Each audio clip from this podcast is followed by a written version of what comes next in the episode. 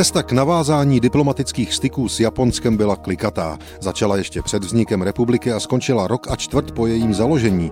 V dubnu 1918 navštívil Japonsko na cestě z Ruska do Spojených států předseda tehdejší Československé národní rady a budoucí prezident Tomáš Garik Masaryk. O československém odboji tehdy Tokio nevědělo vůbec nic. Důležitá pro navázání kontaktů ale byla protibolševická aktivita našich legií v Rusku v červnu 1918 a navazující japonská intervence na Dálném východě.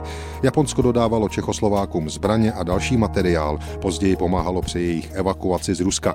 9. září 1918, tedy měsíc a tři týdny před vznikem republiky, uznala japonská vláda československou armádu za spojeneckou.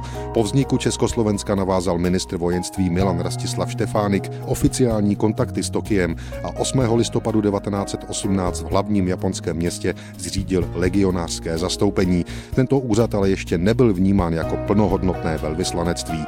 Diplomatické styky už oficiálně navázaly Československá republika a Japonské císařství 12. ledna 1920, tedy právě před stolety.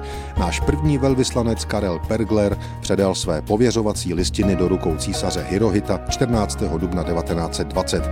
Japonské velvyslanectví v Praze bylo zřízeno 17. října 1920. První ambasador země vycházejícího slunce se jmenoval Haruzaku Nagaoka. Diplomatické styky po konci první republiky přerušilo Japonsko 15. března 1939 po německé okupaci zbytku republiky. Málo známý je možná fakt, že po napadení Pearl Harboru se rozhodla exilová československá vláda v Londýně 9.